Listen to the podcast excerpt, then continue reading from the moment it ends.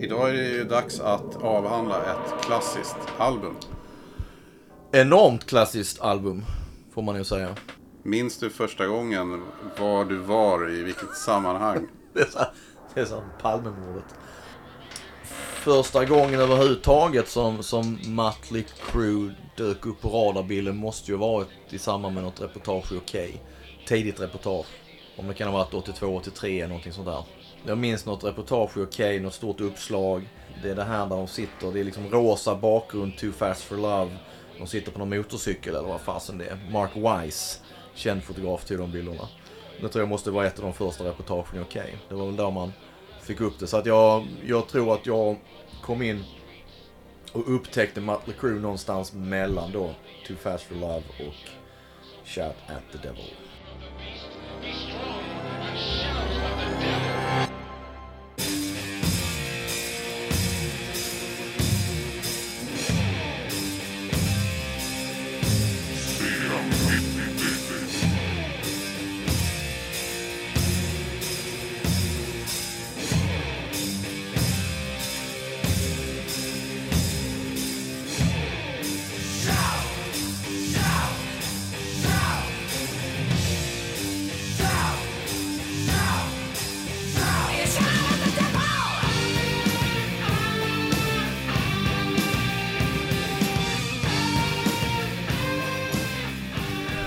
Varit inne på det att du var ju ganska tidig där och var med från början kan man nästan säga. Ja, nästan. Det, för det blev ju, och det var väl det som var kul just med att Kiss eh, var man inte med från början. Men Mötley Crüe blev ett av de där banden som man faktiskt var relativt tidig med att börja lyssna på. Det, och det kändes väl lite kul som så.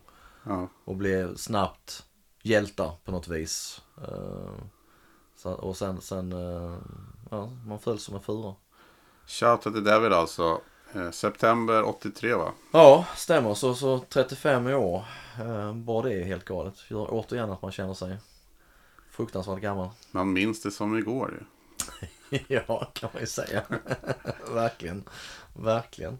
Ja, jag, jag kommer så väl ihåg. Eh, jag satt i baksätet på en bil. Det var samling. Vi skulle iväg med mitt fotbollslag och spela match. Och då samlades man alltid upp bilarna och så åkte man gemensamt. Ja, ja. Eh, Jag var knattefotboll, var väl 10, 11 år någonting då. Mm. Och då var det en i vår målvakt, tror jag. eh, Som hade med sig vinylen Shout at the Devil. Okej. Som han, antingen hade han precis köpt den eller skulle han låna ut den till någon, till någon i laget. Då. Och då tittade jag på det här konvolutet då, som även går att vika upp. Eh, på framsidan var det då det med pentagrammet och på, in, på in, insidan är det då de fyra klassiska bilderna på Ja. Vince, Tommy, eh, Mick och Nicky Six. Och då så tänkte man ju att jag måste höra det här bandet. Det måste vara världens bästa band. Det var liksom ingen snack om saken. Nej. Så det var bara en lång plåga fram till att jag liksom kom hem och dagen efter och så här försökte se om jag kunde köpa skivan. Liksom. Ja. Jag tror inte att det gick så snabbt, men Nej. hyfsat snabbt. Ja. Och eh, sen när man lyssnade på den så, ja, det var nog världens bästa band.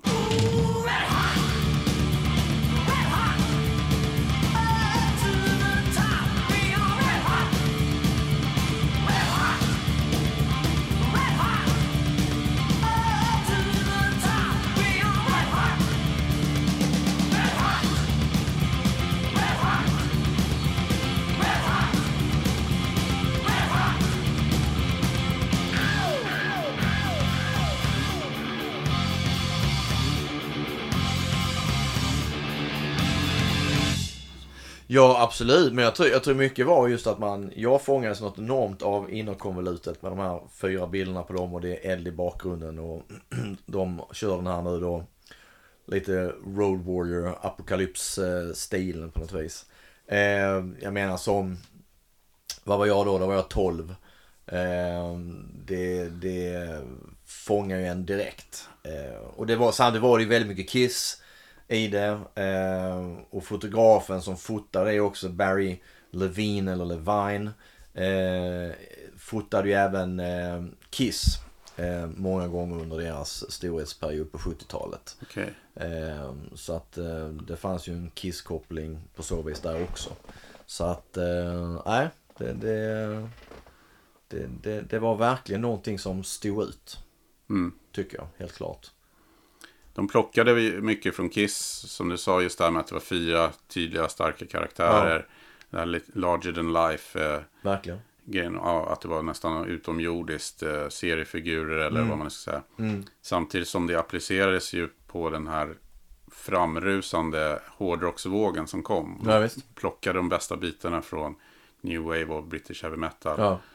Och eh, ja, på något sätt så föll alla, alla bitar faller på plats. Eh, absolut. Eh, absolut. Det, det. Och sen var det ju själva just det här med eh, där, där jag tänkt själv själva omslaget med detta pentagram då också. Att det, det måste ju varit en av de första gångerna som, som jag personligen då såg ett pentagram. Mm.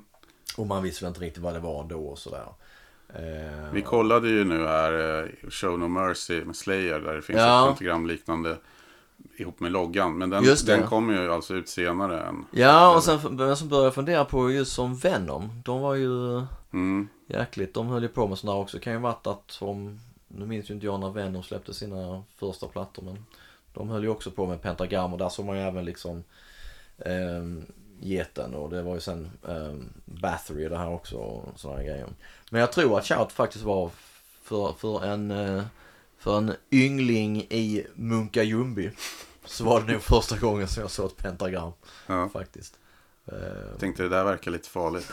ja, det var nog, ja, absolut. Det, det var ju säkert den tanken att ja, men det, det där måste man ju lyssna på, helt klart. Ja. Ehm, Men det där är ju, man har ju hört så många sådana stories från folk som är något äldre med Kiss. mm, Som då för första gången såg dem sminkade mm, någonstans på någon filmis eller någon tidning eller så. Och också var helt övertygade trots att man inte har hört dem att det här är för jävla bra helt enkelt. ja, ja, oh ja, oh ja, Och det är ju imponerande att lyckas med det en gång Verkligen. till. Faktiskt. verkligen, absolut. Ehm, nej, men det, det är ju en, en platta som som, som hängt med ända fram till nu och som man ändå, eller jag personligen räknar väl som ett av bandets främsta. Eh, och egentligen kanske då den, den period i bandets eh, karriär då de, de var liksom coolast och tuffast och, och, och eh, hela image-grejen och allt där föll på plats. Ja, jag tycker nog att den är överlägset bäst. Ja. Jag tycker att det är långt till liksom, tvåan. ja, Från att den. Och det är det som är roligt.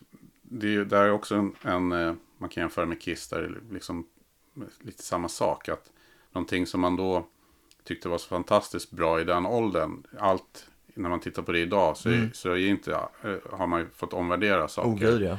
filmer, skivor och sånt där. Men, men en del saker tycker man fortfarande är lika bra. Ja, Och för mig är Shouted Devil en sån skiva som jag, jag är fortfarande lika nöjd eller blir glad när jag hör den. oh ja. Absolut. Och, eh, det var ju mycket hårdrock som kom där och som de också buntades ihop med.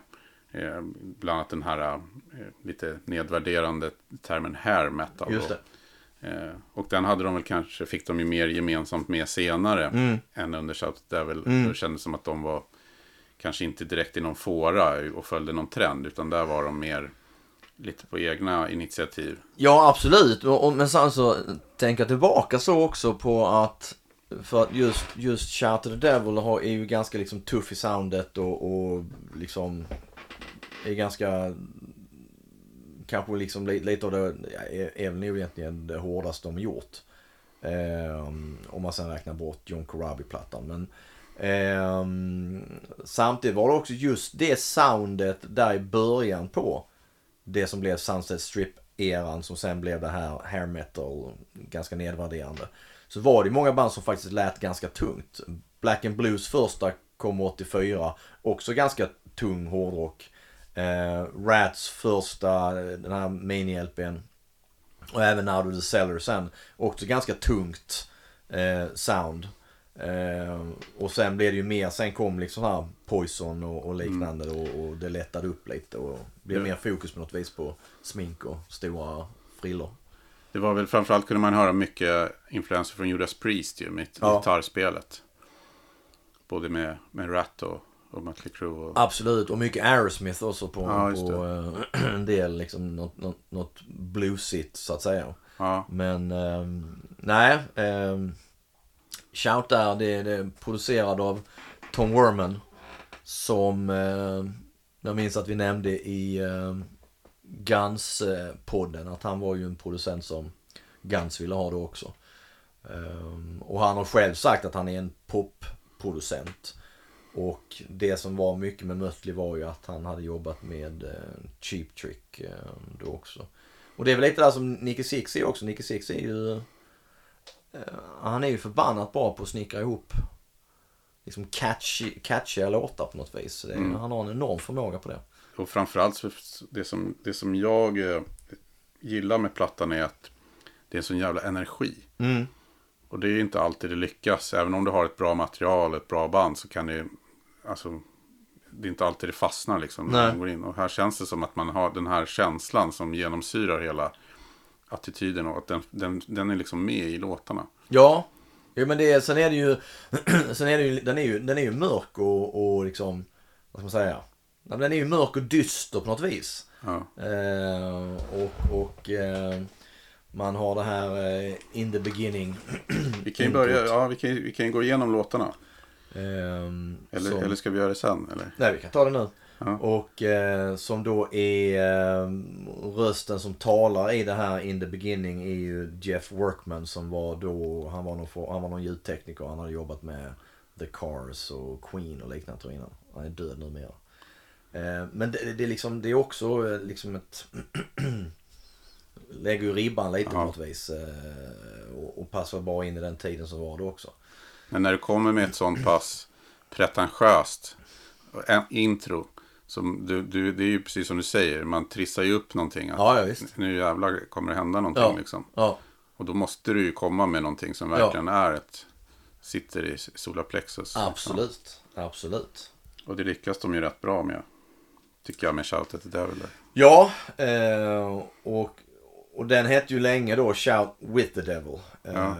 Och eh, sen ändrades det. Eh, jo men den har ju blivit, det är också så här live-favorit. Eh, sen minns jag, nu gjorde var det 97 eller något sånt, så de släppte ju någon sån jäkla remix på den där som var helt bedrövlig. Mm.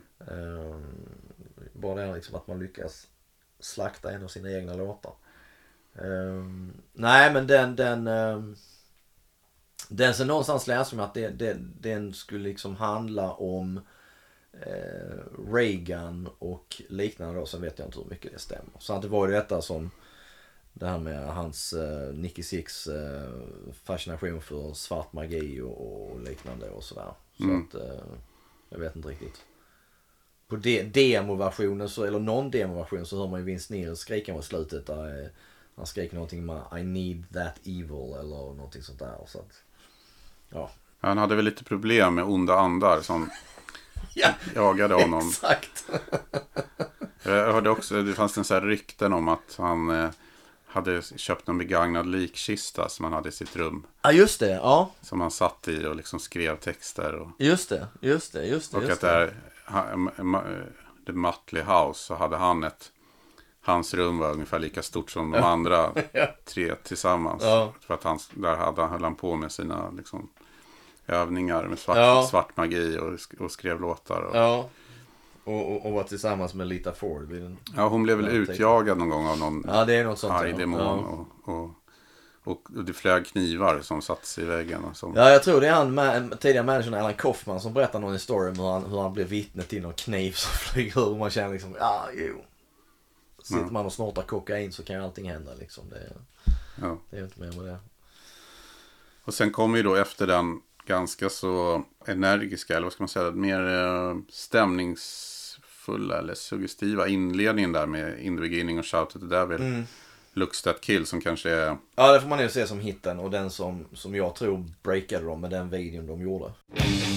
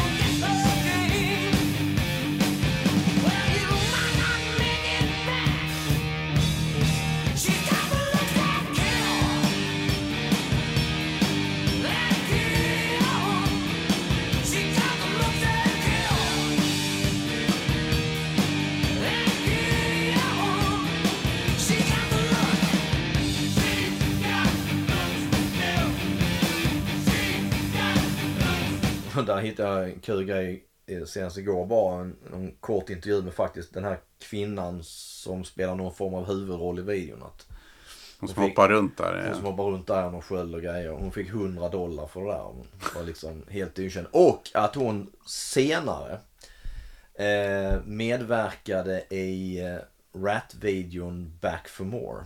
Där eh, eh, Nicky Six och Tommy Lee gör ett inhopp och spelar poliser.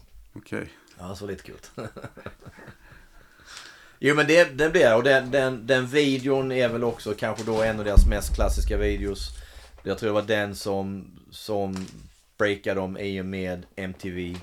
Ja. Ehm, och och, det, och det, är det, är ju, det är en bra video, alltså den är cool. De ser ju förbannat coola ut. Mm. Ehm, Vince Neil har nog aldrig varit så snygg som han är i den videon. Ehm, Och den håller ju temat också lite från plattan. Verkligen, verkligen. Det här liksom något, något, ja, något utbränt, återigen apokalypsgrej liksom och, och eh, det brinner lite och här saker. Så att, och det är lite kul för där har jag sett att för nu, det, det kommer ju den här eh, filmen The Dirt som bygger på deras biografi. Eh, den kommer ju på Netflix om det nu är senare i år eller om det är nästa år eller vad fasen nu blir.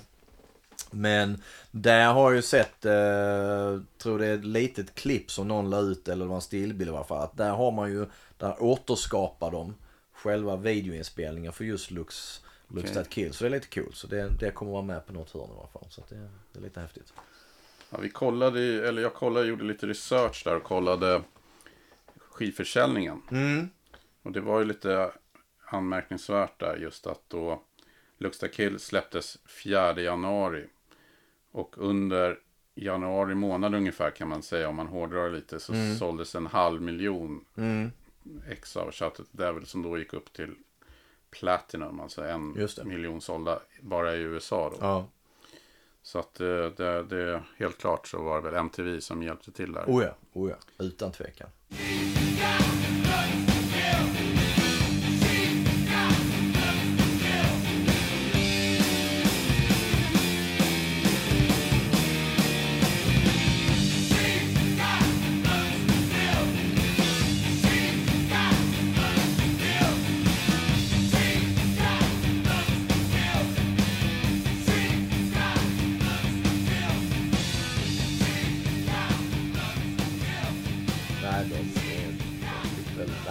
De var, ju, del också.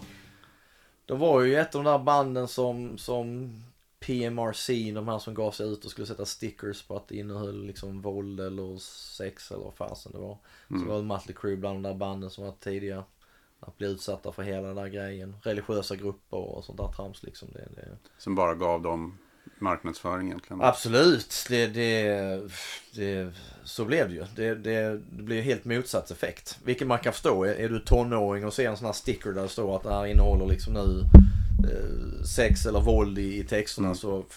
Det här kan vara något för mig. Ja exakt, det är klart man köper det. Eh, Självfallet, självfallet. Idag har ju Shouted Devil sålt över 4 miljoner bara i USA. Ja, Så att det, ja, det har gått iväg några ex. ja eh, absolut. Jag skulle tippa att, att i övriga världen att det kanske ligger runt 5 då. Kan det säkert vara. Kan det säkert vara. Något Eh, sånt. Sammanlagt tror jag jag läst en siffra på att Mötley Crüe har sålt den någonstans runt 90 miljoner plattor eller 100 miljoner plattor. Någonting sånt där, så att. Mm. Men eh, det var ju mer en gissningslek innan det här Nielsen Soundscan kom eh, på någon gång på 90-talet. När man verkligen kunde räkna på riktigt. Mm. Så att, eh, nej men visst en stor säljare. Självfallet, absolut. Ska vi eh, fortsätta eller ska vi lista favoritlåtarna? Vi kan väl, nej jag tycker vi fortsätter så Mm. drar vi igenom och så tar vi favoritlåtarna efter det. Ja, sen kommer ju då Bastard. Ja, Som eh, ska handla om en manager va? det ska handla om Alan Kaufman har för mig. Mm.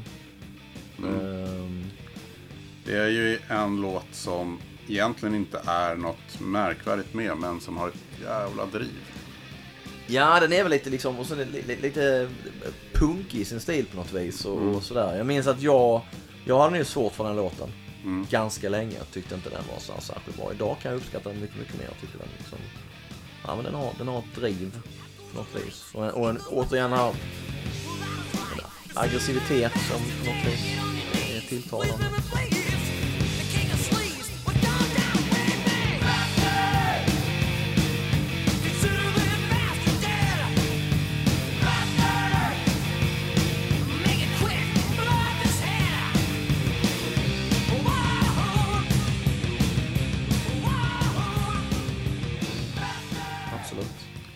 Måste ju också säga att Vince Neil, han gör ju en jävligt bra insats. Även om han inte liksom är Ronny Dio så Ja, oh ja. det, Oh ja. det passar väldigt bra. Och han är, det är energi liksom. Ja, alltså det har alltid varit gnäll på honom. Främst har det varit gnäll på honom rent live. Men, men eh, jag tycker alltid hans röst, alltså på den här tiden och även jag menar upp till Dr. Feel Good som man får räkna som då det blev sista med den, den klassiska eran. Så eh, tyckte jag hans röst passade utmärkt till den musiken. Eh, och tittar man på tidiga liveklipp och så här. Det finns, finns en klassisk bootleg från Quebec. Som är från Shout to the Devil-turnén. Ehm, och eh, ja, fasen det, det låter liksom hur bra som helst. Det, det funkar. Även om han, han har ju väldigt ljus och gäll röst. Men absolut, funkar bra. Funkar live också. Och det är det jag menar också. På Shout It Devil hade man tonat ner de här. För på debuten då, Too Fast For Love, så finns det en del där han mest ylar för, att, för att fylla ut liksom, delar. Och det tycker jag bara blev jobbigt att lyssna på. Eh, men det har man, det har man tack och lov plockat bort. Ja. Sen knyter man an igen till det satanistiska ju med God Bless the Children of the Beast. En vacker titel. En instrumental i- i princip låt. Ja. Det enda som sjungs är ju titeln i Exakt. slutet. Exakt, exakt. Och där, där har det ju varit då, eh, som jag faktiskt då inte har reflekterat över tidigare, men att det, det hintas åt eh, just gitarren och introt åt eh, likheterna med, med Hotel California med, med The Eagles. Och, och visst kan man väl se att det finns en likhet som så, men sen om det är något som Nicky Six har snott eller inte, eller tillfälligt, det, är- det är någonting helt... Då, då är ju likheterna värre faktiskt med en låt som vi eh, redan pratat om. Looks That Kill. Där finns det en del släktskap med en Docken-låt. Absolut! När det kommer till riffet. Young Girls från första Docken-skivan. Breaking the Chains.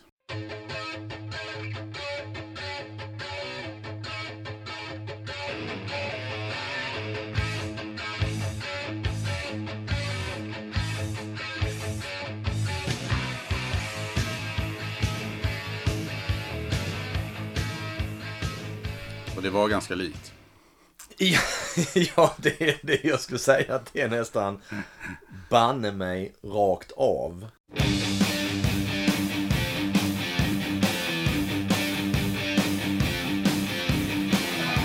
Den kom alltså två år tidigare. Ja. Men sen vet man inte alltså det, det är... Alltså, ja. Men han, samtidigt är han ju känd för att liksom sno. Han har ju snott eh, från, från Sweet, Kickstart My Heart och sådana grejer. Och det, det kom ut någon story för något halvår sedan om att jag tror låten Dr. Feelgood riffet som är den skulle han ha snott från någonting från Guns N' Roses och, och för han satt och jammade med dem och vad fasen det var. De hängde tillsammans. Va? Ehm, och docken, jag menar, det är väl inte helt omöjligt. Jag Nej. menar, det, det, alla de där, den lilla ankdammen som var på den tiden i, i LA så det är väl inte helt omöjligt att man... När detta har påtalats så har det då också eh, knutits an till Judas Priest då. Och deras eh, betydligt äldre låt då, eller betydligt äldre, men ja, den kom väl typ 80 Just det. British Steel, British och, Steel, ja. och riffet då på You don't have to be old to be wise. Exakt.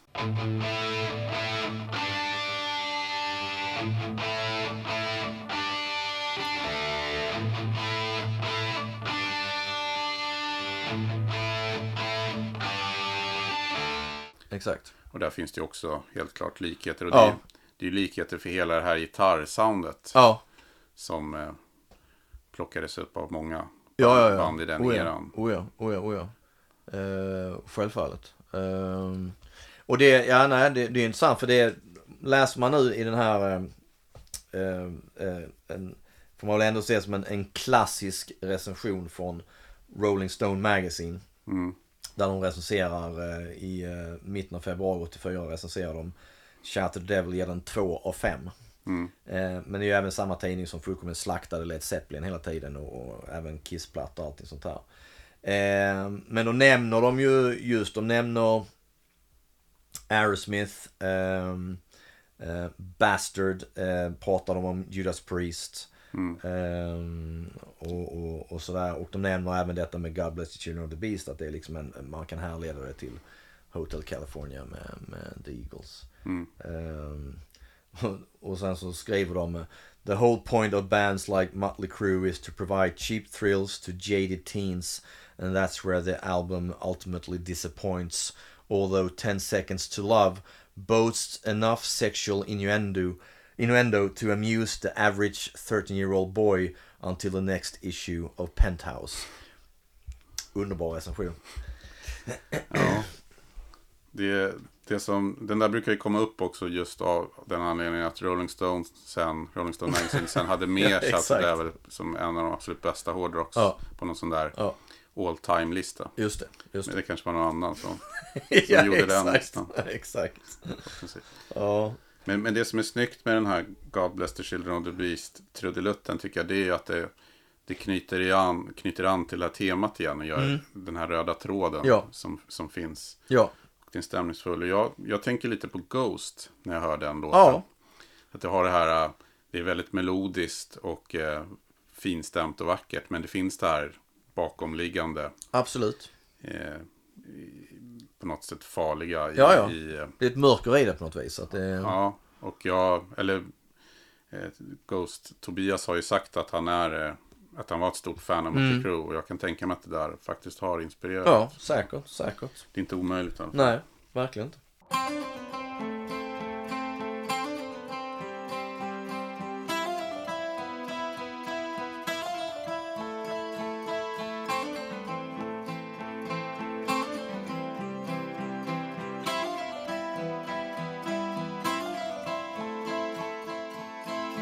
We're standing here by the abyss, and the world is in flames. Och sen är det ju då eh, Helter Skelter som avslutar första sidan Ja, Beatles cover. från The White Album. Ja, Och där fanns det väl också lite kopplingar då. Jag gissar att de, den låten har ju redan i Beatles version kopplats ihop med Charles Manson. just det. Och hans satanism och den eh, eh, sekten. Ja, Eh, och Eh, jag minns inte om om det är för det är ju så här mordet på Sharon Tate och det här eh, Charles Manson grejen. Att eh, för En där ung- var det ju att de skrev saker i blod på väggarna. Jag minns inte om det är så att Helter Skelter skrevs med blod. Det är någonting som Jo. skrivs på någon vägg Ja. i samband med det mordet.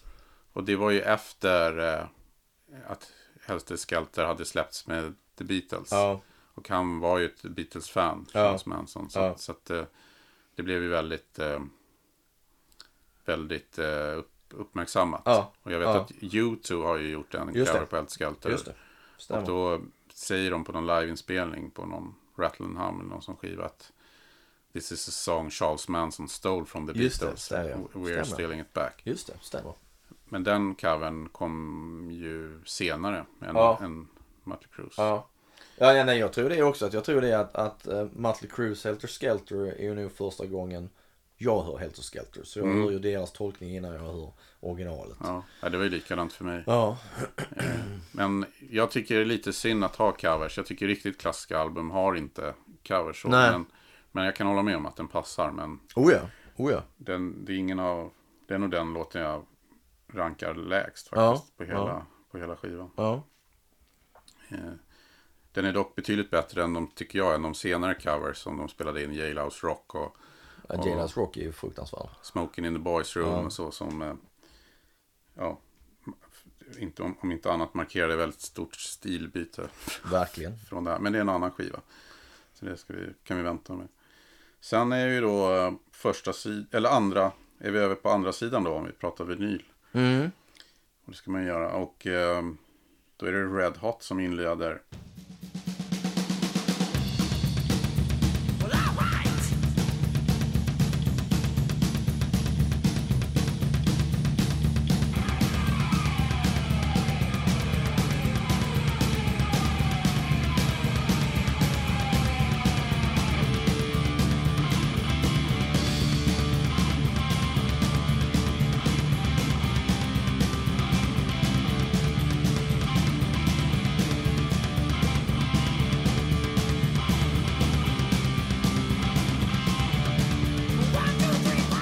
Jäkla tempo i den. Uh, tror inte jag har haft den som någon sån här riktig favorit faktiskt. Eh,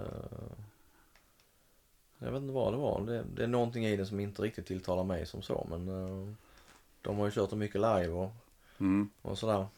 Tommy Lee får gå loss på trummorna. Verkligen. Indeed. Som sedan då följs av nästa singelsläpp. Too young to fall in Mm. love.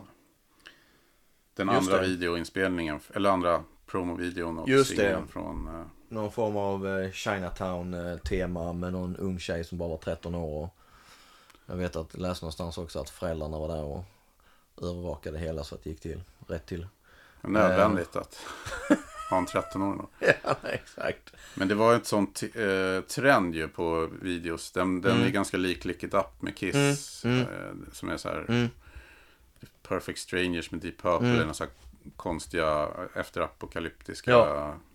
miljöer. Och lite, ja, ska man säga, svårt att riktigt förstå handlingen. Ja, men den, den var ju video också så jag tror att ehm, jag tror att Looks at Kill blev en sådan hit. mm, Så det, det var liksom, det var den som, som visades.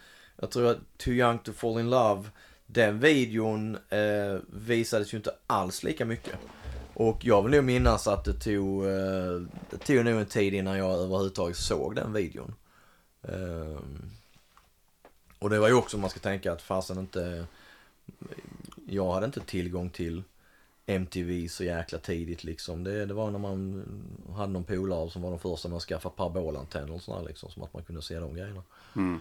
Så att, eh, nej så den är ju inte lika känner jag. Den, den blev liksom, fick inte samma genomslag som Nej. Looks at Kill. Sen kom ju då en av eh, dina favoriter vet jag. Mm, Och min med. Knock 'em Dead Kid. exakt. Dedicated to the LAPD. Vilket också var tydligen första gången som jag såg förkortningen LAPD. Ja, Och eh, Los Angeles. Police Department. Just det. Eh, jag vet inte hur jag fick reda på vad det betydde men man undrar väl vad det var.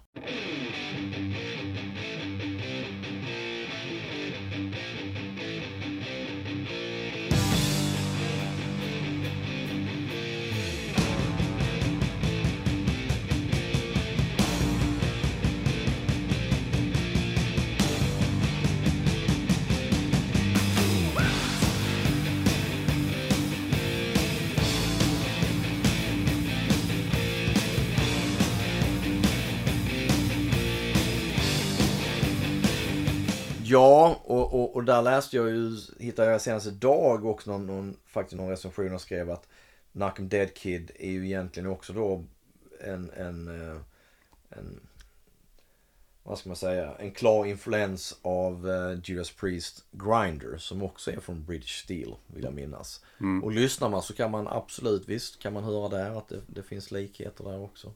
Men, Men, med, eh, med riffen igen va? ja. Så att, eh, nej men den har alltid varit en, en favorit. Eh, och där, eh, där, där var det ju här att det var lite olika stories om, om eh, hur den kom till och vad den bygger på och, Mm. och sådär. Ja, det är ju roligt i, i den eh, mycket väl eh, omskrivna och kända boken The Dirt och Neil Strauss. Så berättar ju Nicky i sin version om hur låten, texten kom till då. Mm. Att han, eh, han och Vince är ute med deras dåvarande flickvänner tror jag. Bara Lita Ford och är Nickys och Vince tjej Beth.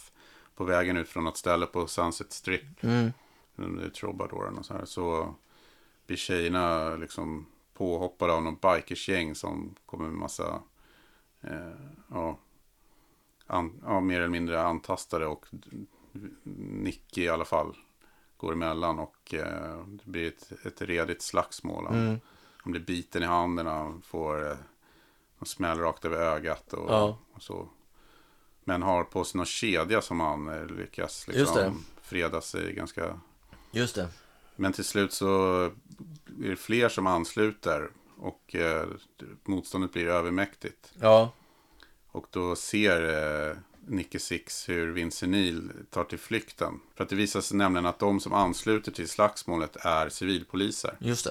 Men Nicky fortsätter att veva, veva på dem då. Och Mm. eh, sen när han, eh, ja, åker i backen så ser han i ögonvrån hur Vince flyr därifrån och han har förstått att det är polis. Han, han, han skriver i boken Like a glam chicken. Inte bara chicken, det är glam chicken. Exakt.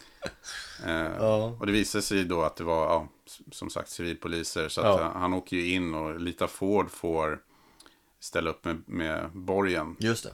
För att han inte ska ja, bli häktad en, en längre det. tid. Senare lades det där ner tack vare att det var tydligen höll på att bli en skandal. Att det var många poliser som hade var många som hade blivit misshandlade av poliser Okej. längs Sunset Strip. Ja.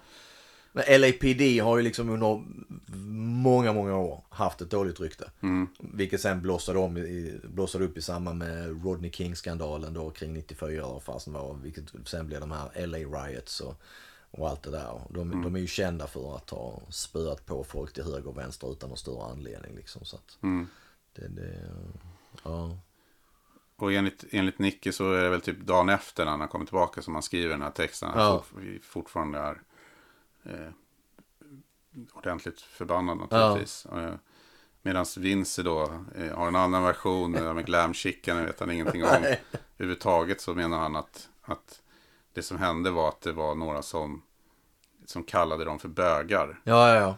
Eh, vilket var ganska vanligt då Ja. eftersom de var smink, hade smink och den typen Ja. av kläder. Och eh, det var väl bikers mot rockers lite grann på Sunset Strip och runt omkring där. Och sen hade de, eh, ja hade det blivit kurr men då hade de blivit utslängda eh, istället. Och då Nicke tyckte naturligtvis att det var otroligt orättvist. Ja. Så, så han hade enligt Vince då jag tror att det är Vince som har berättat det här. Gråtit och skrikit om vartannat för att han var så arg. Och sen skrivit ner den här Knock 'em Dead Kid när han kom hem. så att, eh, ja.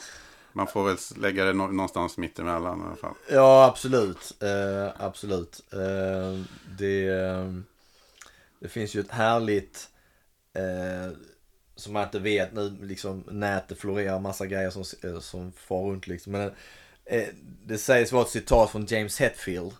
Där han säger eh, One time we saw some hookers. But when we got closer we realized it was Mötley Crüe. jag är helt underbart. Och kan säkert vara sann faktiskt egentligen.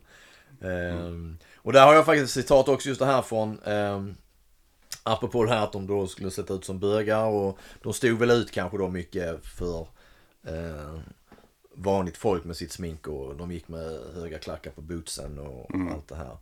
Att ehm, jag träffade ju eh, Athena, Tommy Lees syrra, vid ett tillfälle och sen har jag intervjuat henne också. Och ehm, eh, hon för övrigt eh, hjälpte till med sminket på Poisons eh, Look What The Cat Dragged In.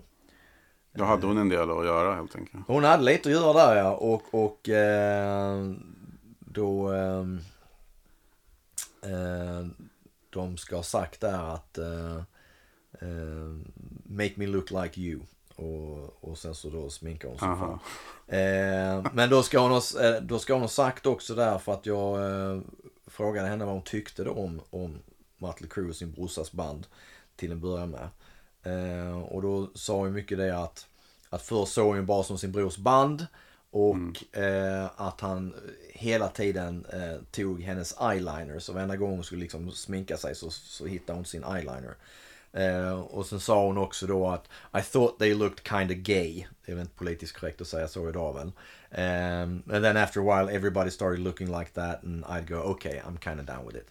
Um, och sen så som sagt, sen började ju alla band eh, köra med sminket och stora håret och killarna såg verkligen ut som tjejer så att då, då, då, då funkade det så att säga.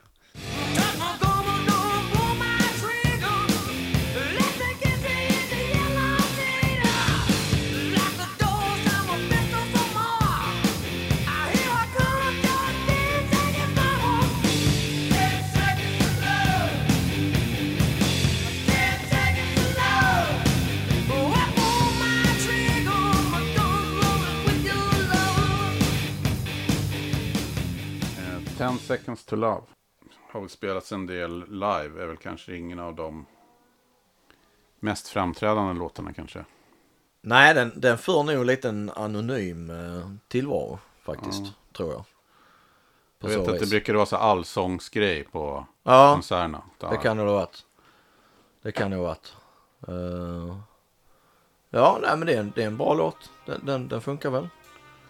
Och sen avslutas det då med Danger, lite eh, halv semiballad va? Ja, den gillar jag ju skarpt. Mm.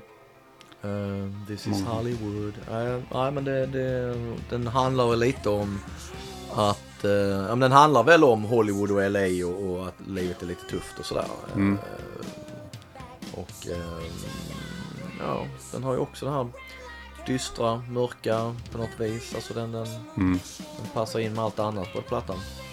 Den är lite också tyvärr själv, vad säger man, en självprofetia ju med eh, Vince Neil som sjunger om att hans bästa vän dör. Just det. Just det. Vilket tyvärr händer senare. Ja, eh, exakt. Det gör han ju sen eh, 8 december 84. Kör han ihjäl Razzle från, eh, från Hannah Rocks. Mm. Och fullkomligen dödar ju det bandet. Som kanske då får man ändå säga var på gång. Mm. Och som, som var en influens. Där, där, där måste jag ta en jäkligt cool story. Eh, men det är ju att samma med detta att han kör ihjäl honom eh, så eh, kommer han ju undan fruktansvärt lätt. Han får 30 dagar, jag tror inte ens han sitter de 30 dagarna. Och sen så betalar han, vad är det nu om det var, var det 1,5 eller 2,5 miljoner dollar. Fruktansvärt mycket pengar. Eh, men ändå, han, han får ju liksom inget fängelsestraff. Han har själv sagt långt senare att han tycker att han kom undan alldeles för lätt. Eh, med den här rattfyllan. Eh, men då jag, jag har intervjuat John Corabi flera gånger och eh, han berättade bland annat vid ett tillfälle att en kompis till honom ringer honom då väl troligtvis början på, på ehm, eller vad kan det vara, slutet av 84, början på 85. Och säger så här att har du hört att Mötley Crüe letar efter en ny sångare? Eh, och eh, så säger han att jag, jag tog mig friheten att skicka in en, en av dina kassetter med någon, någon sån här promotionfoto. Och sen blev det inte mer med det. Och sen då flera, flera år senare när John Corabi blir sångare i Mötley Crüe. Så eh, är det en dag att han är inne på, om det är ett skivbolagskontor eller han är hemma hos Nicky Six. Nicky Six har en låda där det ligger liksom sådana här scenkläder från Theatre of Pain-turnén och sådana grejer. Och när han tömmer ut den så i där ligger den här kassetten från John Corabi. Eh, som skickades in till deras management. Det, det var en sån jäkla cool story liksom. Hur det knöts ihop på något vis.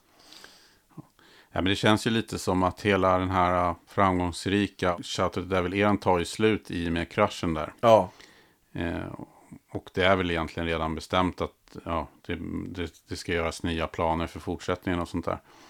Men det är ju också svårt att sen efter det, ty, i alla fall tycker jag det, att man har alltid det här på något sätt, det hänger ju över Vince Neil. ja, ja. Och det var inte bara Razza utan det var ju två unga människor i mötande bilen som fick sina liv förstörda. Ja. Och att han fick ett sånt löjligt lågt straff Ja. för den typen av oansvarighet. Verkligen. Alltså är ju, är ju bisarrt. Alltså. Ja, ja. Och eh, ja, men man har ju svårt att gilla Vince Neil. Ja, visst. Eh, mycket på grund av det. Och, och eh, nej, det, det la väl liksom någon... Eh, tog väl bort lite hela grejen där. Jag minns allt det där och det man läste. Och, och får man ändå tänka att på den tiden var ju fasen musiknyheter knapphändiga. Mm. Eh, det var Kerrang och liknande man kunde snappa upp på MTV kanske sådär. Mm. Men eh, visst, absolut. Det, det gjorde väl och tror jag för många. Jag vet Polan som var ett stort High Rocks-fan, han fullkomligt hatade Vince Neil efter det. Mm. Eh, så att eh, visst, det, det, det, De hade ju precis släppt deras major-debut där, eh, Ja. Two Steps from the Moon på CBS. Och ja, var väl egentligen i samma, vad ska man säga, i samma våg ju. Ja. På, på gång. De Ja. hade, det spelades in en, en eh, video till uh, Up around the Bend vet jag med en sån här jättebudget. När de åker ha varit, helikopter och grejer. Ja, ja, Kolla med han, varit, ja. han och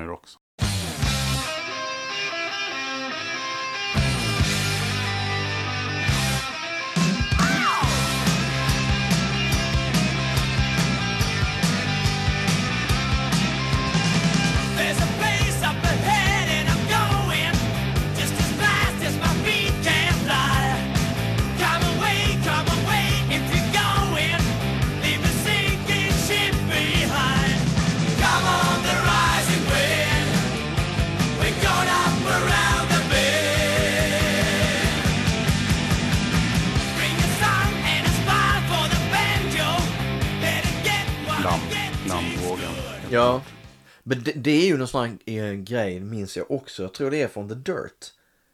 Där Vince Neil skriver någonting. När de tar upp den här händelsen. Och så skriver han, så är det någonting där eh, with his... Alltså det är någon sån här with his Finnish accent och sånt tror jag. Bara att Razzer var ju britt. Mm. Eh, så jag menar han hade ju absolut inte någon finsk. Har någonting att han saknar att han aldrig mer får höra hans finska brytning. Ja, någon sån här, så, Ja. någon sån här jättedumt är det. Um, Säger han det. Sen Vince Neil har väl aldrig framstått som att vara någon Nej. Och det vet jag Mike bright, Monroe eller killarna. Annie McCoy har också sagt det. Mm. Och det, det allra lägsta var ju också sen att de långt senare när det gick som sämst för Mötley Crüe döpte en box till Ja, Music to Crash, to crash Car. Till något exakt. sånt där. Just det, just det. och det var ju vidrigt. Ja, absolut. Absolut. Men det är, det är väl någonting som går hand i hand med, med det bandet. Mm. Det är, eh, och precis som att The Dirt eh, har ju blivit någon form av måttstock för rockbiografier för hur man ska liksom skriva. Och efter det kom det ju mängder med Mm. biografier som man kände liksom bara körde på på samma. Och det, det blev liksom The Dirt, jag, jag gillar verkligen The Dirt för det var någonting nytt när den kom. Mm. Men sen att läsa 15 andra biografier som går ut på samma sak egentligen, där det mest är massa sådana det går ut på att bräcka varandra med sjuka stories. Det, det blir inte riktigt samma grej. Ehm, Men man missar då, man, då har man också missat tycker jag storheten med The Dirt. Jag tyckte också att den var, det var första gången jag läste någonting sånt. Eh, och eh, det är ju nyanserna som finns Mm. i The Dirt. Där, som Neil Strauss, sen tycker jag att han spårade ur. ja, Men där har han ändå, eh, där, där lyckas han väldigt bra. Och, och samtidigt så att samtidigt är det ju att den tiden och kanske speciellt mest av allt Sunset Strip och LA, det, det var ju en väldigt speciell tid. Och det var ju någonting också, precis som Guns N' Roses-låten Anything Goes. Det, eh, det svinas till höger och vänster men, men alla gjorde det det, man nästan utgick från att liksom det skulle vara så och förväntades tror jag att det skulle vara så. Man kör den här bad boy-imagen liksom hela vägen in i kaklet. Ehm, så att Nej, jag vet inte. Jag, det, The Dirt är liksom en, en intressant läsning bara ur det perspektivet från en tid som idag är, känns väldigt främmande Mm. på att man skulle bete sig på det viset så att säga. Och groupies var vedertaget och liksom allt det här. Man, man, man levde ut alla sina perversa drömmar när man var på turné och sådär. Så att det, det um, men, um, Men The Dirt blev ju ett enormt uppsving för Mötley Crüe. Alltså, ja ja. det kändes också då i alla fall som att de steg väldigt mycket i rang. Att de helt plötsligt blev omtalat som ett av de största hårdrocksbanden Ja, även i Europa. Och Ja. så, de har ju sålt enormt mycket skivor i USA. Men man, de hade inget jättestort bra anseende utan Nej. buntades ihop väldigt mycket ja, med, med de här, här metalbanden. Till skillnad från Guns N' Roses till exempel. Men, eh, absolut. Men, men efter Dirt så, så kändes det som att de... Det blev ju ett enormt intresse kring Oh ja. Mötley Crüe igen. Och eh, Oh ja. när de, de, de headlinade ju själva Sweden Rock 2005. Ja. Strax efter att de då hade återförenats efter The Dirt. Och jag tror att återföreningen också tillkom mycket på att The Dirt blev en Ja, sån. Oh gigantisk Oh succé. oh oh oh och, då, och då lyckades de också, tycker jag, göra det med heden i behåll, den första. Men, men sen drogs det alldeles för många varv. Ja, ja. Men det, samtidigt kan jag känna, alltså jag, jag, är- jag är ju extremt fascinerad av den tidsperioden och av de banden som, som var där just med, med hela LA-vågen där. Ehm, och men just, liksom just hela, alltså det var, det var så olikt det vi har idag. Eh, Med vad man gjorde, hur man betedde sig och, och hur liksom hela det här med håret och sminket och allt det där. Eh, så enormt fascinerad av det. Eh, och eh, det... Men det, det vet jag för att jag har intervjuat både Ross Halfin, känd fotograf, och Neil Slosever, också känd fotograf. Som båda har fotat mycket med Mötley och fotade dem mycket på 80-talet. Och, Uh, Ross Halfin var väl inne på, och när jag frågade honom vad, vad var det liksom mest dekadent och sådär, då sa han att det var väl Mötley Crüe. För, för det hela grejen med dem var just det att de inte brydde sig. De brydde sig inte ett skit. Eh, och eh, det, det finns bilder som dessutom tror jag var med i tidningens, det var tidningen, det var inte Spin, det var en annan tidning för kanske tio år sedan som gjorde någonting det hundra vildaste rockgrejerna, vad fasen det var. Och då var det ju bilder tagna av Ross Halfin som jag tror faktiskt är tagna under Shattered Devil-turnén. Eh, på eh, eh, Vince Neil och Tommy Lee eh, som då har eh, sex med en tjej på en buss. Eh, och eh, Ross Halfin eh, i en intervju som jag var med och gjorde med honom för några år sedan erkände dessutom att han, han deltog i det hela liksom. I det här eh, grejset.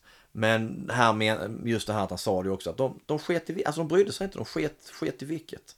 Eh, hade inget och liksom hängde ihop med deras image och, och sådär. Och du menar, de var ju de var ju som Guns N' Roses där i början. När liksom bara körde allt med droger, skit och allting. Och sen så kom Guns N' Roses med sitt och det var liksom lika vilt och galet där också. Fast mer i slutet av 80-talet kanske. Um, och sen Nils Lucifer har sagt att uh, han turnerade med Mötley Crüe, Poison, Rat. Han turnerade, han var ute med alla band. Men han sa, sa dessutom, han sa då uh, att uh, det band som slog alla rekord vad han upplevde var faktiskt Van Halen. Eh, som var fullkomligt galna på en turné liksom. Så att, eh, men man, man fascineras över det här när, när det blir så att du får den uppmärksamheten, du har pengar och då var det verkligen som hela Sunset Strip var som en bubbla där du kunde det var som Sodom och Gomorra, du bara kunde leva ut precis din, din absolut dummaste idiotiska idé. Kunde du på något vis leva ut. Och det var fullt legalt liksom. Det var ingen, klart folk höjde på ögonbryn och så här, men det, där, det var inte som idag. Det gick ju ganska snabbt där sen för Mötley Crüe och eh, att byta stil, får man ju säga. Ja, Det tog några månader bara där Ja. efter eh, eh, ja, allt det som hände runt ja, Vince Neil och sen men till ja, typ sommaren eh, 80, 85. va? ja, då hade man ju hunnit med faktiskt två Sverigebesök under 1984. just det. Han spelade ju på den klassiska Monsters of Rock Råsunda. som öppnade klockan 12 på dagen. Ja, Så gick man ut och följt av Van Halen och Ace DC. En hyfsad eh, ja, line-up. ja, verkligen, verkligen. Enormt klassisk eh, svensk hårdrockskonsert. ja. Men också, för, de var också i Stockholm, Göteborg och Lund va? Eh, nej, då var de i bara s- eh, senare då i november tror jag det är, 84, så är de tillbaka som förband till Maiden. Okej. På Powerslave-turnén och spelar i Stockholm och Göteborg. Och så spelar de i Köpenhamn och Helsingfors. Jag tror de spelade i, i Oslo utan de spelade de där. Fick 2000 dollar per gig netto. Hittade ett dokument nyligen. Av Steve Harris. typ. typ. Typ. Ja. Ehm, så ja, nej. Men det var, var det inte så här att en del förband fick inte ens betalt Oh ja. för att man åkte med som promotion? Exakt, Men, exakt. men Mötley var ju ganska stora. Ja. Ja, de hade ju verkligen gjort så att, framförallt i USA då tror jag. Och sen var, väl, var det väl inne nu då att pusha dem i Europa. Ja, och Sverige var ju tidiga med, med Absolut. Eh, och det hade varit snack om Europasväng redan 1982. okej. Eh, men det blev ingenting för att man ansåg att det fortfarande var för tidigt så att säga. Eller Mm. sådär. Eh, så att, eh, nej. Eh, nej, jag, jag såg dem ju sen på Theatre of Pain-turnén eh, i Lund 1986. Eh, och som sagt, då, då har de ju bytt image eh, med of Pain. Det är ju inte längre det här Road Warrior-stuket utan det är ju verkligen, ja det är ju mer Hanoi Rocks rakt av med skavs och färgglada kläder och, och kanske då mer, vad ska man säga, mer feminint smink på något vis och, och sådär. Så att vilket säkert som vi pratade inom detta att det, det, det har ju säkert hängt ihop också med den här rattfyllan och eh, det där att man på något vis frångick det hårda och tuffa till något lite mjukare på något vis. Och sen eh, känns det som att den kom kommersiellt sett väldigt lägligt i tiden då. Eh, med tanke på vad som sålde och kom att sälja. framförallt Absolut. I USA då. Absolut. Och att eh, skivbolaget hade kanske ett, rätt mycket inflytande Ja, när man såg hur... Jag kan, jag kan tänka mig att Shout at the Devil sålde mycket mer än vad de hade trott. ja, ja. ja. Med tanke på att den inte var särskilt anpassad Nej, eh, kommersiellt sett. nej. Men att Looks That Kill till exempel ändå blev en så pass stor hit. Ja, ja. Medan eh, The- Theatre of Pain då blev, eh, kändes som betydligt mer eh, jo- gjord med tanken att vad det är som kan sälja. Ja, Och att man fick koka ihop lite sop- soppa på en spik där på ett ganska trasigt band. just det. Man plockade då överblivna låtar från Shout at the Devil Exakt. Session som i mitt tycke blev det, bet- det bättre Ja, ma- materialet. Eh, Home Sweet Home som var den stora hitten, andra singelsläppet tror jag att har jag, om inte jag fått om bakfoten så var det en, en äldre låt som fanns redan under kan säkert stämma. Kan säkert stämma. Och eh, Louder than Hell som är en av de Heter ju Hotter than Hell och härstammar också från Shout-eran. Eh, och jag undrar om det är den som ehm, Nicky Six berättar i någon intervju att han hörde någon låt på radion och, och hade ju ingen aning om vad det var. Tills någon pekade på oss och sa till honom, påpekade att det är faktiskt du. Men att, eh, att det var just en låt från Theatre of Pain. För jag tror många, många fans ser nu Theatre of Pain som kanske det svagaste mm, eh, albumet under den klassiska eran.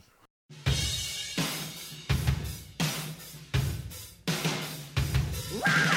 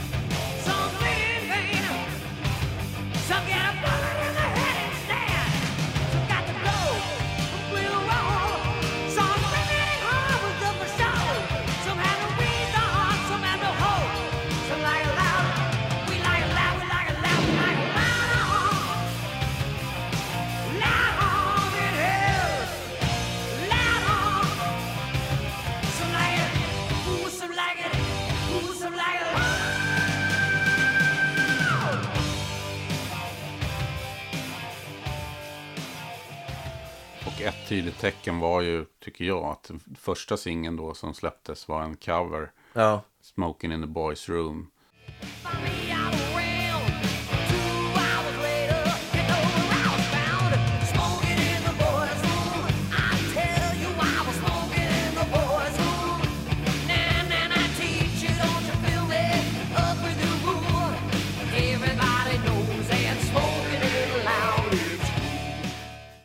Som egentligen inte en genre som kändes enormt långt från Ja. Shout the Devil. Någon slags, ja, vad ska man kalla det? Vad ska man kalla den låten? den är ju svängig som så. Det är ju Brownsville Station heter det gamla bandet. eh, Men, eh, nej, men det blir ju en hit. Mm. Eh, Så de även körde live mycket och sådär. Och jag, jag, minns, jag minns Rockbox och på något vis hade man väl då från föregående program Rockbox hört att Per von Dander snackade nog om att nästa vecka ska vi spela en låt från kommande Mötley Crüe-platta. Så en veckas olidlig väntan. Exakt, verkligen. Men det byggde ju upp spänningen. Man satt där redo att spela in. Eh, Men då spelar han ju Keep Your Eye On The Money.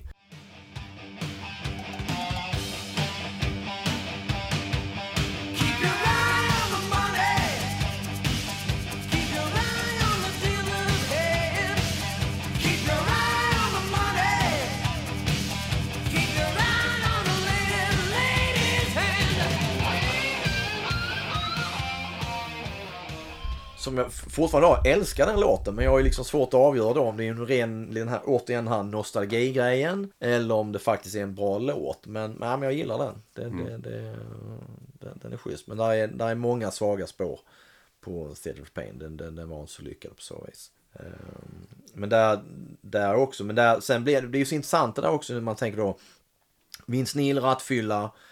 Man ska styra upp det hela, kanske inte ha det här liksom mörka som varit på Shout of the Devil och sådär. Samtidigt fortsätter ju då partajandet och liksom eh, hela den grejen något kopiöst. Just på den turnén, ännu mer sen på Girls, Girls, Girls turnén efter det. Eh, jag, jag gjorde en, en, en stor grej i eh, Sweden Rock Magazine för några år sedan om bandet Autograph och de hängde med på eh, som förband till Theater of Pain-turnén i USA. Och eh, då, då berättade, tror jag, gitarristen Steve Lynch då att efter den turnén, efter de, de giggen de gjorde eh, så eh, eh, drack han inte på, på fyra och ett halvt år. Eh, och eh, han sa att det var, det var en kul turné eh, men helt galet. Det var mycket kokain. Längst bak i bussen kunde ligga ett berg av kokain på bordet. Och de använde heroin också. Och han var förvånad över att ingen dog. Ehm, eh, så att, ehm, och jag vet också även John Nyman som, som är i gitarrist i YNT. Han var inte riktigt, han var med i YNT på, de var också ute på uh, Theatre of Pain-turnén. Eh, vilket jag tror är Down for the Count-plattan eller vad det är. Eh, och han spelade keyboards lite så här gitarr och gjorde pålägg och så. här. Men han skrev också att han var liksom, han var, då var han tror jag, han var lite äldre, 29 och singel. Time of his life. Men det var också där konstant partajande liksom. Det, det slog i taket verkligen. Det finns någon klassisk bild som brukar användas som julkort. Från, från den turnén tror jag. Just det. Med hela bandet. Man- Just det. När de har skrivit Merry Christmas med kokain. Exakt, och sitta med sugrör.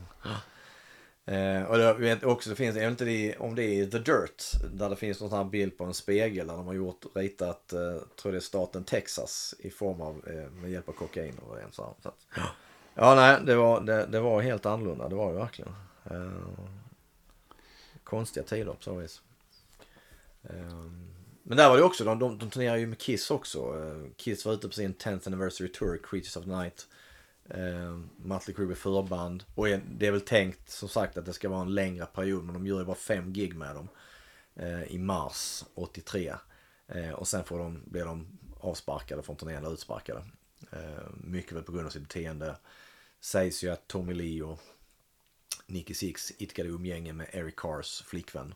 Eh, men det troligtvis var väl också då eh, drogerna och festandet och allt annat som, som satte käppar i hjulet. Ändå tackar de The Kiss Organization på Shout to the Devil.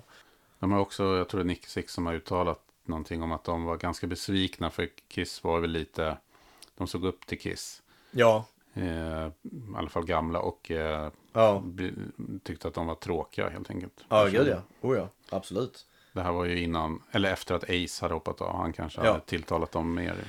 Säkert med, med festandet och, Och även Peter. Exakt, verkligen.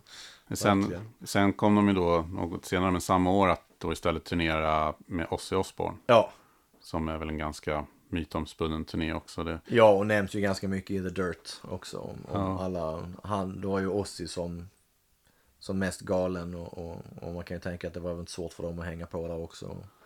det var väl framförallt, så var det också en, alltså, väldigt många amerikaner, de turnerade framförallt i USA med Ozzy, Mm. som upptäckte Mötley Crüe. Och Ozzy själv hade ju sett Mötley på klassiska ASS Festival Just där inför flera hundratusen. Just det. 83 och eh, efter det ville han ha med dem på Ja, som Jo men det, och det var det också det här med, med Ass Festival som är i maj 83 och det är ändå, som är en stor festival på tre eller fyra dagar. De har en heavy metal day. Ehm, hela där- Mötleys spelning finns på YouTube. Exakt, de spelar ungefär 45 minuter också. De är andra bandet ut, Quiet Riot är först ut. eh, och sen kommer Mötley Crüe. Och den innebar ju också en, ett, eh, eh, så att säga, ett break för dem. Där blev det första gången som många hör, hör låtarna från Shout at the Devil. Eh, men de hade spelat låtar från, från Shout at the Devil redan i, i slutet av 1982. Eh, på klubbar och liknande. Men, eh, nej, men det blev, blev nog ett litet break för dem där eh, inför en så enormt stor publik. Eh, Det syns tydligt dock att dagsljus är inte bäst Nej. visuellt sett för dem. Särskilt inte i, när de kommer ut sina shout. Att Ja. Det väl kostymer. Det, också, liksom. det, det faller lite platt. Ja. Eh, faktiskt. Det blir ju inte... De var ju enormt besvikna efteråt. De, Ja. de slogs och grät efteråt för att Ja. de, var så, de hade spelat fel. Ja, Och, jag tror Mick Mars spelar fel på en del ställen och sådär. Och, och... ja. Jo, Men eh, det kom istället att bli, trots att de var så besvikna så blev det ju en, en absolut. Framgång. Ja, ja, absolut, absolut, absolut.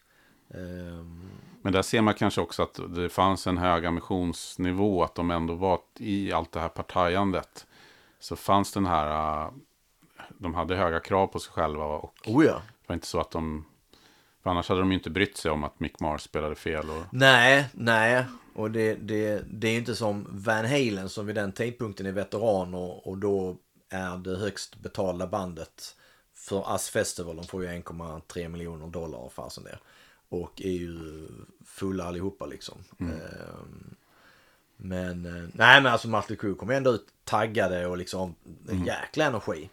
Nicky Six har fruktansvärt höga Ja. stilettklackar i sin... Verkligen, det är helt underbart. Helt Det ser inte helt lätt ut att trippa fram där. Nej, det är helt fantastiskt. Det är helt fantastiskt. Nej, men det... det eh, den, den uh, Shatter Devil står ju verkligen ut tycker jag i, i deras katalog. Mm. Eh, den egentligen, Too Fast For Love, för just Too Fast For Love också då är ju mer bara omslaget och det, det är mer nita och punkigt på något vis, mer rock'n'roll. Sen blir det ju mer den här med Theater of Pain, Girls, Girls, Girls och även då Dr. Feelgood. Blir ju mer den här MTV-generationen. Det blir glammigare, ska man säga, radiovänligt på något vis. Mm. Ehm, De försöker ju komma tillbaka lite bad boy där på Girls, Girls, Girls med ja, bågestuket. Och oh ja. De hittar aldrig tillbaka, tycker jag, till den här enorma liksom, formtoppen som det ändå är runt hela Shut the Devil-eran. Nej, inte det, inte det råa. Nej. som, som var där. Det, nej, det gör de ju inte. Absolut inte. Vi skulle ju lista topp tre ju. Ja, vi skulle göra det ju. Nu när vi gått igenom alla dessa fantastiska mästerverk till låtar. Mm. De flesta av dem i alla fall. Eh, Jag kan börja då bakifrån. Gör du så? Nummer tre, Looks That Kill. Ja, vi har ju pratat om den. Den var ju, blev en hit, ett lyft. Ett, ett bra riff som då eventuellt kan vara rätt så snott. Ja, Men den är ju en effektiv låt. verkligen. Snyggt arrangerad, Verkligen. snygga, snygga körer. Absolut. Vad är din trea? Jag körde också Looks That Kill. Ehm, men det är, ja, mycket är ju videon. Ehm, jag, jag tycker det är en förbannat snygg video. Ehm, och som presenterade bandet bra också. Mm. Ehm, och eh, bra riff, funkar bra live.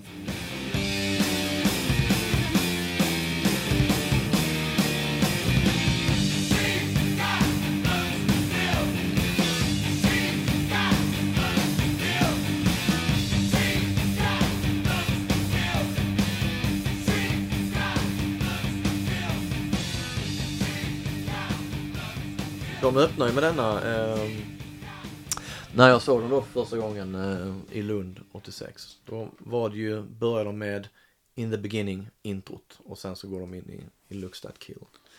Hur, hur var, var det extas eller hur var din? Jag var nog, ex- Dagsform. jag, jag, tyvärr så, så, då tänker jag, då är jag 86, då är jag alltså 15 år gammal. Ehm, minns faktiskt inte så här jättemycket av själva giget. Olympen är ju så fruktansvärt litet. Mm. Så att de, de spelade på en jätteliten scen och fick inte plats med de grejerna de hade och så här, men, eh, Nej, jag minns att jag var i absolut att det var en, en liksom en det var något utöver det vanliga. Eh, och sen många, många, många år senare hitta ett bootleg av spelningen var ju liksom extra kul. Eh, nej men det, det, var, det var ganska fantastiskt faktiskt att, att få se dem live då. Det var det verkligen. Eh, så att, ja nej. Ska jag ta min tvåa? Tycker jag.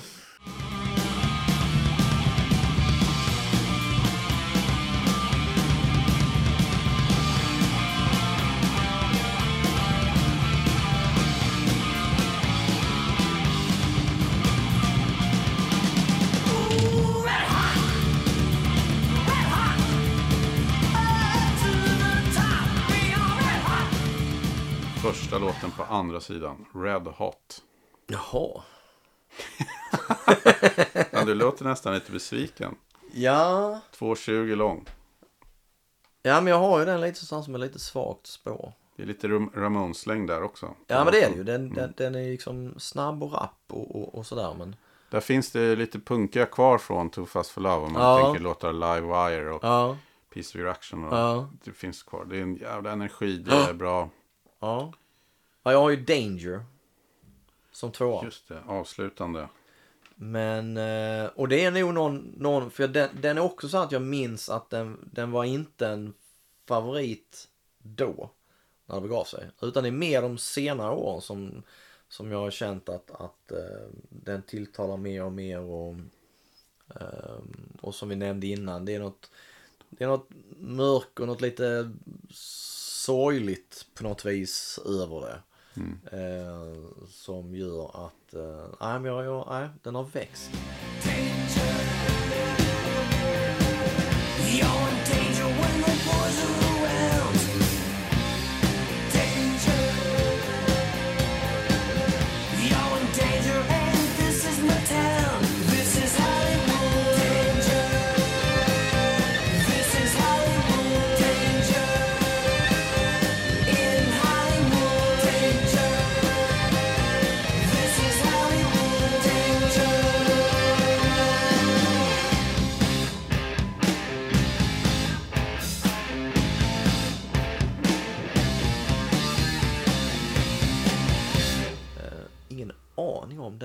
Någonsin har framförts live, men det har den kanske. Jag vet faktiskt inte. Nej. Men, eh, nej, det, nej, jag gillar den. Som Det är något bitterljuvt i Ja, på något vis. Så är det, helt klart. Verkligen. det. Och Vince kunde ju sjunga då, helt klart. Det kunde han helt klart, utan tvekan. Men då, då börjar jag misstänka att vi har samma etta. Jag vet, det är helt omöjligt då. En låt som vi har pratat mycket om.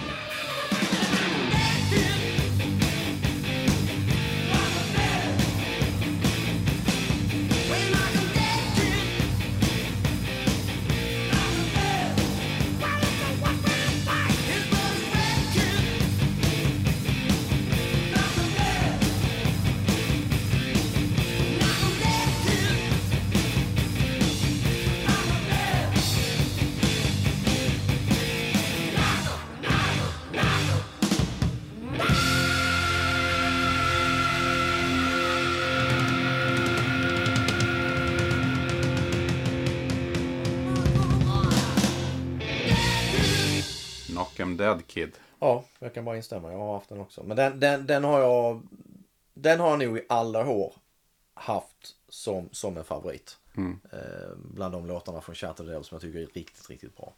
Ehm, och kanske var det på något vis också det här med när man då dedicated to, to eh, LAPD och sen när man stod vad LAPD var och sådär och bara okej det måste ligga någonting bakom och mhm, sådär så att ehm, det var någonting spännande över den. Där, där var ju faktiskt eh, svenska gruppen Noise en föregångare. Ja, just det, det är just det. Det, det, näm- det har jag nämnt för dig tror jag. Ja, men jag minns inte vad det var. Eh, på deras debutplatta Tonårsdrömmar. Så i tacklistan så är ju tack, eh, tackar de Stockholmspolisen för alla nätter i häktet. Ja, ja, ja, ja, ja, ja.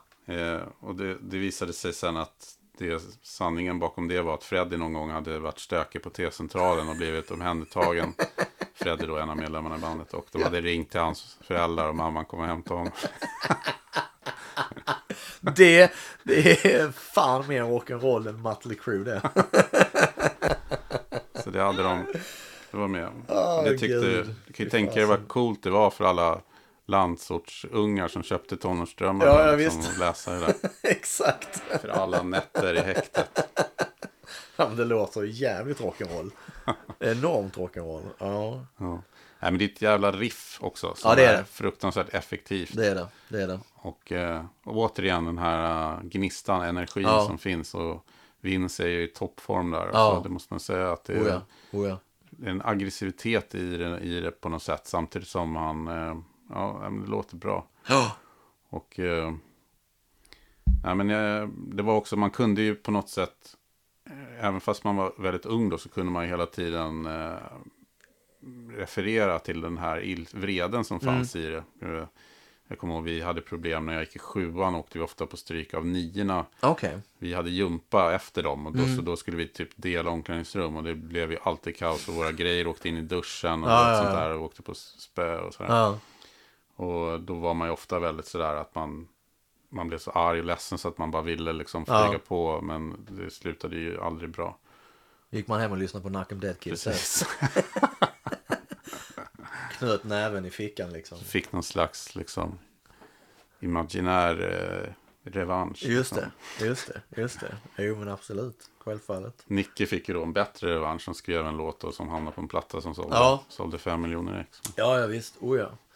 Ehm, nej, men det, det för, för det som är med Ma- The Crew också, för jag, jag tycker att Nicky Six eh, genom sin karriär mycket har varit fenomenal på att snickra ihop bra låtar som är riktigt bra refränger och liksom catchy som fasen så här. Men det intressanta med, med, med Mötley Crüe är att ingen av dem har ju någonsin framstått som några Einsteins direkt. Nej. Ehm, Mick Mars var ju oftast liksom, han var väl oftast den- tyste, sa inte så mycket sådär men eh, lyssnar man på honom så är väl han den som låter mest intelligent. Vince, Nicky och Tommy är liksom, speciellt Vince Neil är ju den här typiska surfer dude. Ehm, och Tommy och även Nicky Six framstår ju, speciellt Tommy Lee framstår ju som förvuxna tonåringar. Till denna dag. Eh, Tommy Lee har ju blivit någon, någon liksom hiphoppar snubbe som slänger sig med ett lingo som, jag vet inte, det är inte lika ballt när man är 55. Ni, nej. Nicky har, har jag fått intrycket att det, är, det här korkade har varit lite spelat alltså. Ofta. Ja, jag vet inte. Det är, Och sen kanske då hans drogmissbruk också. det är klart, det har säkert bränt några hjärnceller. Det, Ja. det, det tror jag nog. Men han, just i, man tittar på gamla intervjuer så han låter ju liksom, han låter lite släp i sitt snack. Men det känns ändå som att han hela tiden är hjärnan Oh ja, bakom. absolut. Allting. Absolut, absolut, absolut. Och att han har hela tiden en vision av hela Oh ja. hur han vill att bandet ska Oh ja, uppfattas. Oh Och, ja, oh ja, oh ja. Och det tror jag han Barry Levine, eh, fotografen som, som, som, som tog här fotona i Shout the Devil, att han sa också att Nick, Nicky var tidig där med att han, han hade idéer om hur bandet skulle se ut, vad de skulle göra, att de skulle göra grejer som på något vis liksom stack ut från allting annat. Eh, så att, eh, nej. Jag hade då, får vi få med det då, att jag hade ju turen att träffa Nicky Six i samband med deras sista Sverigespelning då, 2015 var det väl tror jag. Eh, I Stockholm. Och eh, intervjua honom och, och sen sitta och tillsammans med honom och två kompisar sitta och lyssna på det som då var demolåtar av eh, den då kommande 6 am plattan. just det, hans nya band. då. Ja. Eh, de släppte två plattor efter varandra som hör ihop på något vis. Eh, och man fick ju sitta och snällt lite ljuga och säga jag tyckte att det var skitbra. Intressant och liksom det hade varit som ett experiment om du hade så dissat. Ja, Undrar- eh, verkligen. Och det, det, man skulle ju vilja vara en sådär men jag vet inte, jag, jag blir alltid alldeles för snäll i sådana. Man, man blir på något vis eh, tonåring och tagen av stunden att man, man sitter där med sin tonårshjälte och Precis. så Det är, ju, det är ju svårt. Han måste ju vara så van vid också att när han gör en sån grej så är det, det är ju den reaktionen han får. Ja, Så att han kanske hade blivit jätteimponerad om du hade bara... antingen det eller så har han slått ner mig och kastat ut mig. Men tänk vad coolt då hade varit i slagsmål med Nicky Six. Absolut, det har varit, varit skithäftigt. verkligen, verkligen. Det, nej men det är intressant för sen så, sen så, så var jag lite backstage när, när 6 AM spelade på eh, Sweden Rock Festival. Och då, då var det lite intressant att se honom, alltså hans, vad ska man kalla det för? Hans samspel med sin då, eller då, sin nu, nuvarande fru.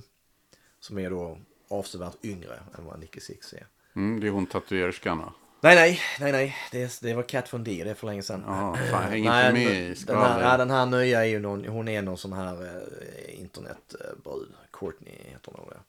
Men ehm, nej, för saken var att han, han kändes så tafatt i hennes sällskap. Som en lite vilsen tonårskille liksom med sin första tjej som inte liksom, jag vet inte, det var mycket att hålla handen vid varenda minsta lilla tillfälle och sådana grejer. Ja, Det var lite intressant att se. Otippat. Ja, när man, man har levt denna bad boy image i Mm. hela sitt liv. Så att det, var, det var lite kul att se. De blev ju i mitt tycke också lite fångade i mytbilden av sig själva. Eh, de, under de senaste 10-15 åren kanske efter, Ja, efter där de, eh, framförallt Nicky Six då skulle leva upp till något så här bad boy-rykte. Ja. Och det var ju patetiskt. Och så, mm, jag såg dem 2005 då på återföreningen. Och då, var det, då tyckte jag att det var jättebra. mm, Några år senare så hade de, det var det sorgligt att se dem faktiskt. Det var Jägermeister-reklam och Tommy Lee försökte få, hade någon tittcam. Ja, just det. Ja, ja, Man märkte att redan då var det liksom över. absolut. Det, där- det där sista giget i Stockholm också när han nu hade sin sån här, eh, vad det nu hette, Crucifier, den här liksom berg och. Mm. Det var en skithäftig show. Det var, det var bättre än jag hade liksom Ja, det var ju många mig. som just hade den reaktionen ju. Ja. Som gick dit med noll förväntningar och Ja. eh, ändå sa att det var helt okej. Ja, och så, och han bara känna, känslan av att, liksom att de faktiskt gör helt rätt. Vince Neil kan inte sjunga längre egentligen som så. Det är helt lätt att bara liksom lägga ner istället för att göra som andra band, Kiss, dra ut på lidandet i, i ytterligare några år så att säga för att driva lite mer cash.